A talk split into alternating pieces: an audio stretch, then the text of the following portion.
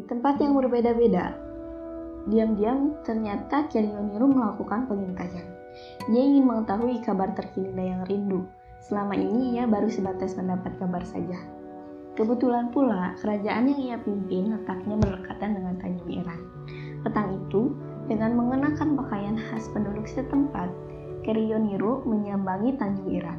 Langkahnya ringan, tetapi mantap. Ia berusaha tidak menarik perhatian warga desa. Di kedai kopi, duduklah sekelompok orang yang tengah bercakap-cakap. Dari penampilannya, sepertinya mereka adalah prajurit muda yang baru saja berlatih perang. Sesekali terdengar, terdengar gelak tawa dan celoteh nakal khas anak muda seusia mereka.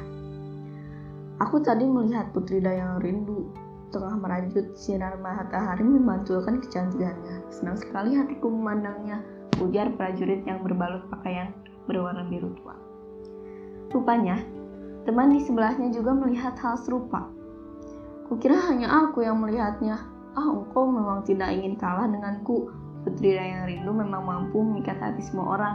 Beruntung sekali pria yang memilikinya kelak. Katanya sambil melepaskan pandangan ke arah istana. Hei Badrun, apakah engkau tidak tahu? Dayang Rindu sudah bertunangan. Lelaki yang beruntung itu adalah Kibai Radin, seorang hulu balang kerajaan. Pertunangan mereka telah dilakukan beberapa waktu lalu dan pesta pernikahan sudah pula ditetapkan. Ujar salah seorang dari mereka. Percakapan tersebut juga menarik perhatian Kiryoniru. Beruntung aku singgah di sini. Paling tidak aku mengetahui bahwa ada yang segera naik pelaminan, katanya. Tindak tanduk Kiryoniru rupanya diawasi oleh seorang prajurit karena dari cara duduk dan berpakaiannya tidak serupa dengan penduduk setempat. Dia sangat yakin bahwa pria yang mengenakan selop berbahan kulit lembut khas petinggi kerajaan itu bukanlah orang yang biasa. Dengan terburu-buru, prajurit yang kemudian diketahui bernama Pamenda itu menemui Kibai Radin yang kebetulan tengah berada di beranda rumahnya. Maaf Kibai Radin, sepertinya ada orang asing yang patut kita curigai Sedari tadi ia hanya terlihat sibuk memperhatikan percakapan kami tanpa menghiraukan hidangan yang dipesan, katanya. Mendengar informasi tersebut, Kibai Radin langsung meminta Pamenda untuk mengajak orang asing yang dimaksud ke pondok yang terletak tak jauh dari kedai. Bawa dia ke sana, perintahnya. Semula, Karyaniru menolak ajakan Pamenda dengan alasan tidak punya banyak waktu. Namun, ia pun akhirnya menuruti karena Pamenda memaksa dengan nada mengancam. Hati kecilnya berkata, Seseorang telah mengetahui kehadiranku di sini, aku harus berhati-hati. Setibanya di pondok itu, Kibai Radin yang telah menantinya berkata, Oh, rupanya engkau Kiryoniru.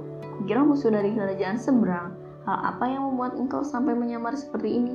Tanyanya dengan nada penuh curiga. Berbagai alasan dikemukakan Kiryoniru.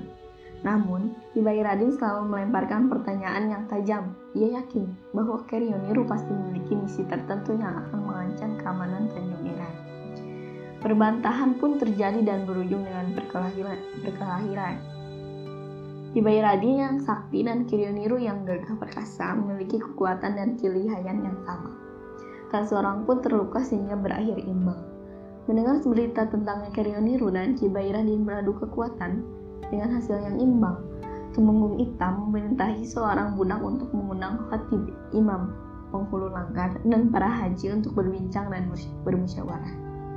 Saat semua undangan telah datang, berkatalah Tumenggung Hitam, Tuan penghulu, carikan dulu aku hari yang baik untuk berperang.